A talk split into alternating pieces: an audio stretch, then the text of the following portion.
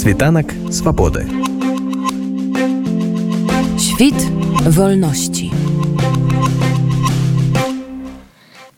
Украіна ініцыравала працэс накіраваны на выключэнне рассіі савета бяспекі аан і арганізацыі ў цэлым пра гэта паведаміў міністр замежных спраў украіны змітрый кулебам вайна расійскай федэрацыі супраць украіны гэта беспрэцэдэнтны акт парушэння мэты прынцыпаў статута аан з часу яго падпісання ў 45 годзе і пазбаўляе ён права рассію называцца міралюбнай дзяржавай гаворыцца ў заяве апублікаванай на сайце мз украіны з гэтага дакумента дакумента вынікае што з пункту гледжання Киева Росія злоўжывае ў радзе бяспекі ан сваім правам вета у якасці прыкладу названае блакіраванне рассіі рэзалюцыі аб стварэнні трыбунала ў расследаванні па справе аб крушэнні рэйса малазійскіх авіяліній таксама прызнанні масавых забойству срэбраніцы генацыдам аб рэагаванні на палітычную і гуманітарную сітуацыю венесуэле аб узмацненні санкцыйнага рэжыму ў дачыненні да кндр а таксама блакаванне 16 15 рэзалюцый па сірыі.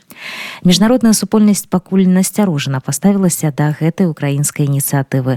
У міністэрстве замежных спраў Эстоніі заявілі, што большасць краін супраць выключэння рассіі з рады бяспекі Аан. Наколькі увогуле гэтая прапанова рэалістычная для выканання і чаму арганізацыя аб'яднаных нацый неабходна татальная рэарганізацыя. Пра гэта мы пагаварылі з украінскім палітолагам Уладзімірам волям.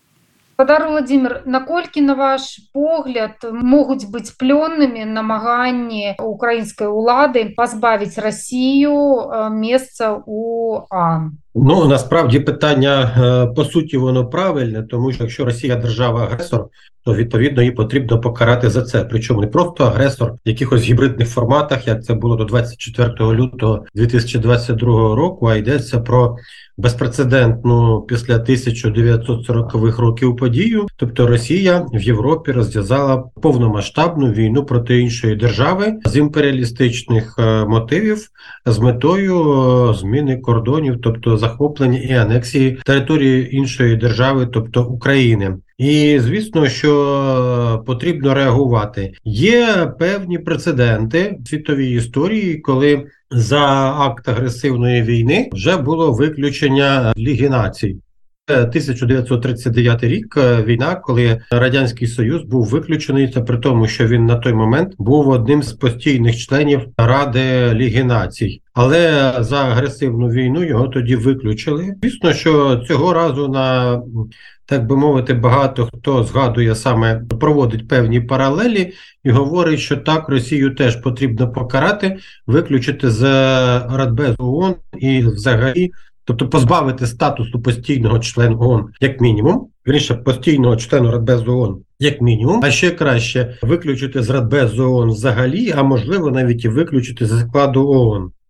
Тобто, по суті, логіка вона правильна, тому смислі, що державу агресора, тим більше такого зухвалого агресора, потрібно якось покарати в міжнародному контексті, окрім санкцій. Але е, якщо говорити про практичну сторону питання, то треба розуміти, що Росія отримала права постійного члена Радбезу ООН на основі загального консенсусу Заходу та усіх держав світу з приводу того, що Росія стає наступ правонаступницею радянського союзу. Що значить слова правонаступницею? Це значить, що Росія взяла на себе зобов'язання по всіх міжнародних договорах які були укладені радянським союзом з іншими державами, в тому числі зі сполученими штатами, приводу ядерних озброєнь, космосу, повітряного простору. Тобто конвенції міжнародні повітряного морського простору, ну і договори з, зі Сполученими Штатами з приводу звичайних озброєнь е, у Європі. Тобто, фактично йшлося про те, що коли Радянський Союз розпався, і Росія була найбільшою з Республік Радянського Союзу. Радянська столиця Москва стала російською столицею. Усі органи державної влади радянські знаходилися в Москві. Вони стали російськими, і центри управління військові, які були радянськими, стали автоматично російськими. Ну і найбільша частина ядерного арсеналу радянського союзу теж залишилася на території Росії. Тому це була така такий мовчазний консенсус, неформальна угода між е, Росією та Заходом, ну і іншими державами світу про те, що Росія бере на справ на себе зобов'язання колишнього радянського союзу. За це вона отримує посаду вірніше, статус, тобто успадковує статус постійного члену Радбезу ООН. Тобто, проти цього так, такого такої передачі повноважень в ООН ніхто тоді не заперечував, як не заперечував і після того багато років. Фактично можна дискутувати з приводу того, чи легально Росія отримала статус постійного члена Радбезу ООН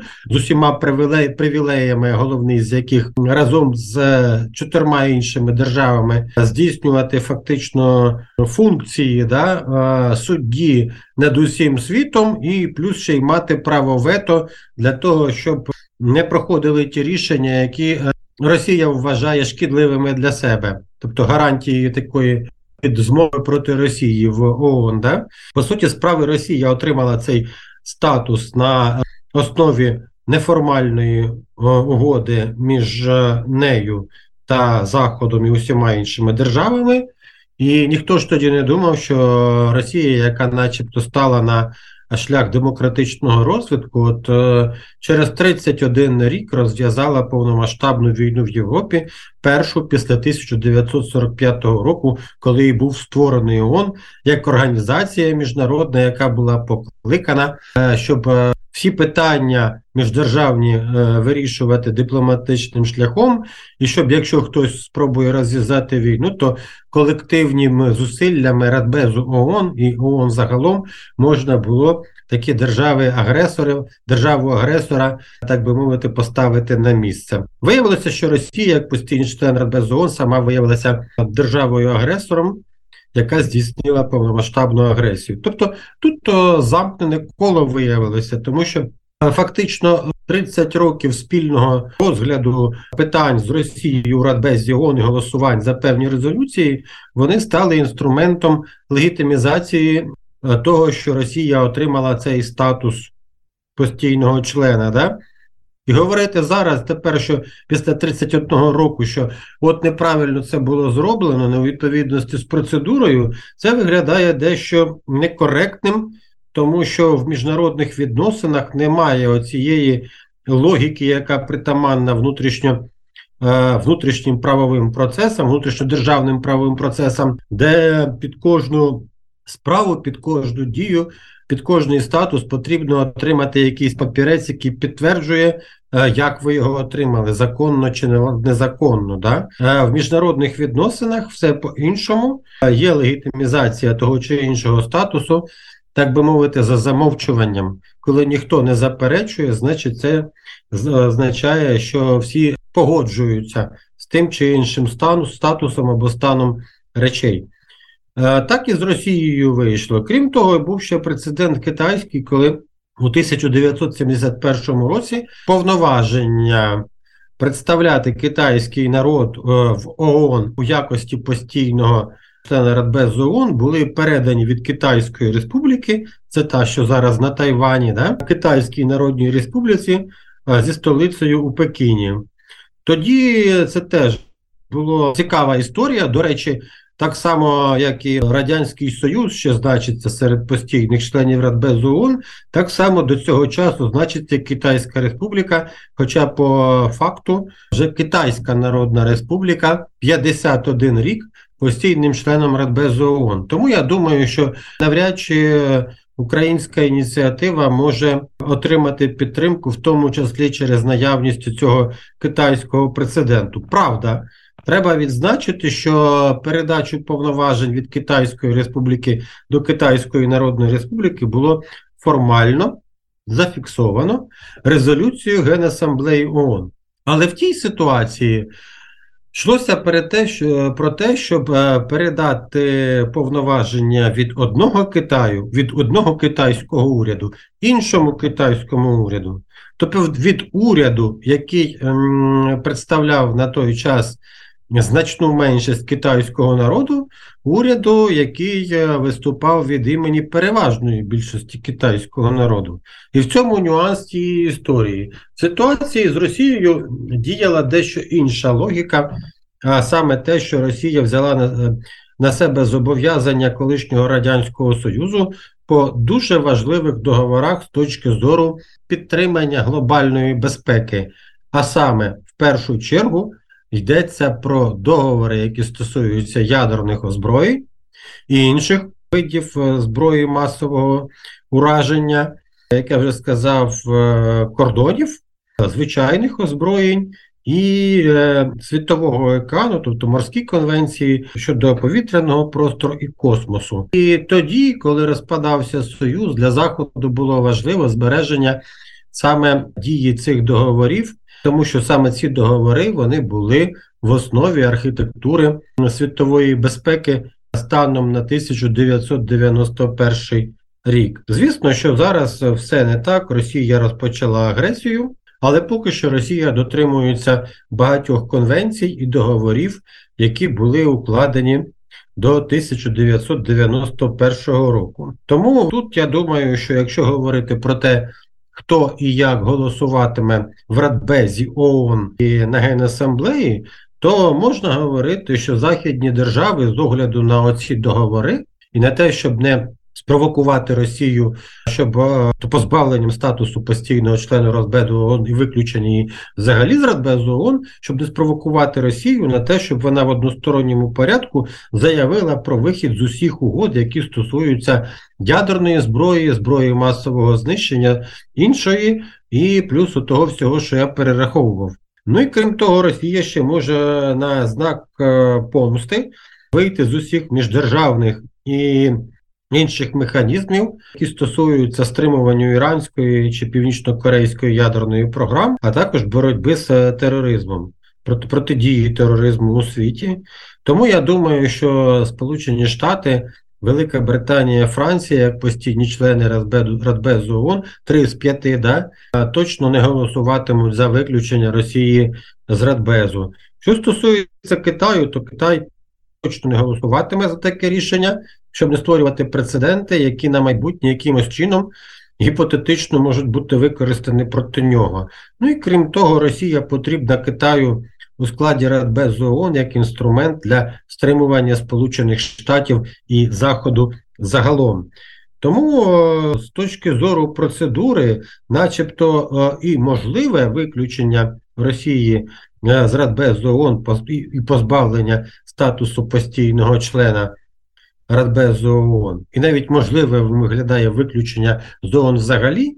Проте, якщо говорити про реалії з точки зору, а хто ж це підтримає з, так би мовити, великих держав, то схоже, що ніхто. Є там механізм в ООН е, для того, щоб виключити державу з ООН взагалі.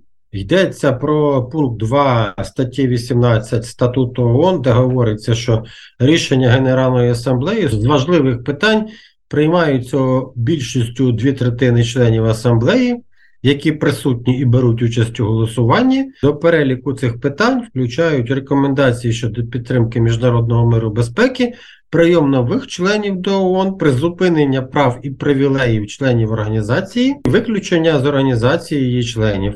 Теоретично можна застосувати цю статтю, але питання, щоб ем, на Генасамблеї це питання розглянули, це питання на Генасамблею повинно бути відправлене за згодою Радбезу ООН. Раз, да? А за згодою Радбезу ООН це потрібно, щоб як мінімум чотири держави з п'яти, тобто окрім Росії, що окрім Росії, погодилися е, з цим. Ну і є ще пункт 2 статті 27 статуту ООН, де йдеться якраз про ухвалення рішень Радбезом питань, окрім процедурних, і там зазначено, що рішення Ради безпеки вважаються прийнятими, коли за них подано голоси 9 е, з 9 членів Ради, включаючи відповідні голоси всіх постійних членів Ради. Причому сторона, яка бере участь в суперечці, повинна утриматися від голосування при ухваленні рішення. Як мінімум, чотири е, постійні члени Радбезу ООН, усі окрім Росії, повинні мати консенсус з приводу того, щоб Росію позбавити статусу постійного члена ООН. А загалом, загалом, в статуті ООН немає жодних згадувань про е, те, яким чином стають постійними членами ООН, як можна цього статусу позбавити, тому що ООН створювалася державами-переможницями в Другій світовій війні, держави, які представляли переважну більшість населення світу, які мали найбільші армії, у когось була ще й промисловість, і кількість населення, багато чого іншого. Тобто, фактично йшлося про те, що П'ять постійних е, членів Радбезу ООН станом на 1945 рік вони говорили майже від усього світу. І фактично Радбез був е, тим майданчиком, де оці великі держави, які конкурували між собою, вони насправді там між собою вирішували суперечки. Переважно вони вирішували між собою суперечки, які існують між ними. Фактично, саме Радбез був тим майданчиком, на якому намагалися вирішити все дипломатичним шляхом, щоб не доводити до прямого військового зіткнення за масштабами подібного до Другої світової війни. Тобто, це був такий клуб гегемонів, які собі е, визначили е, статус пожиттєвих гегемонів світу, директорів, да, ради директорів світу пожиттєвої і думали, що вони будуть отак е, вирішувати долі світу. Зараз інші міжнародно-політичні реалії у світі не 60 там, не 70 держав, як це було у 1945 році, навіть з великою натяжкою, да, якщо говорити про те, що Радянський Союз для того, щоб збалансувати кількість голосів, раптом Білорусі і Україні надав статус Е, членів ООН як окремих держав. Да? Тобто це була маніпуляція, тому що тоді не було незалежної України, але формально це було позначено для того, щоб забезпечити баланс при голосуваннях. Так що така історія. Цей радбез у тому вигляді, який він є, він відображає реалії. Якраз 1945 року, реалії, яких вже немає, Колоніальна система вона впала вже давно, зруйнувалася, світ став іншим, живе іншими цінностями, тому ООН потребує капітальної реформи, як капітального ремонту.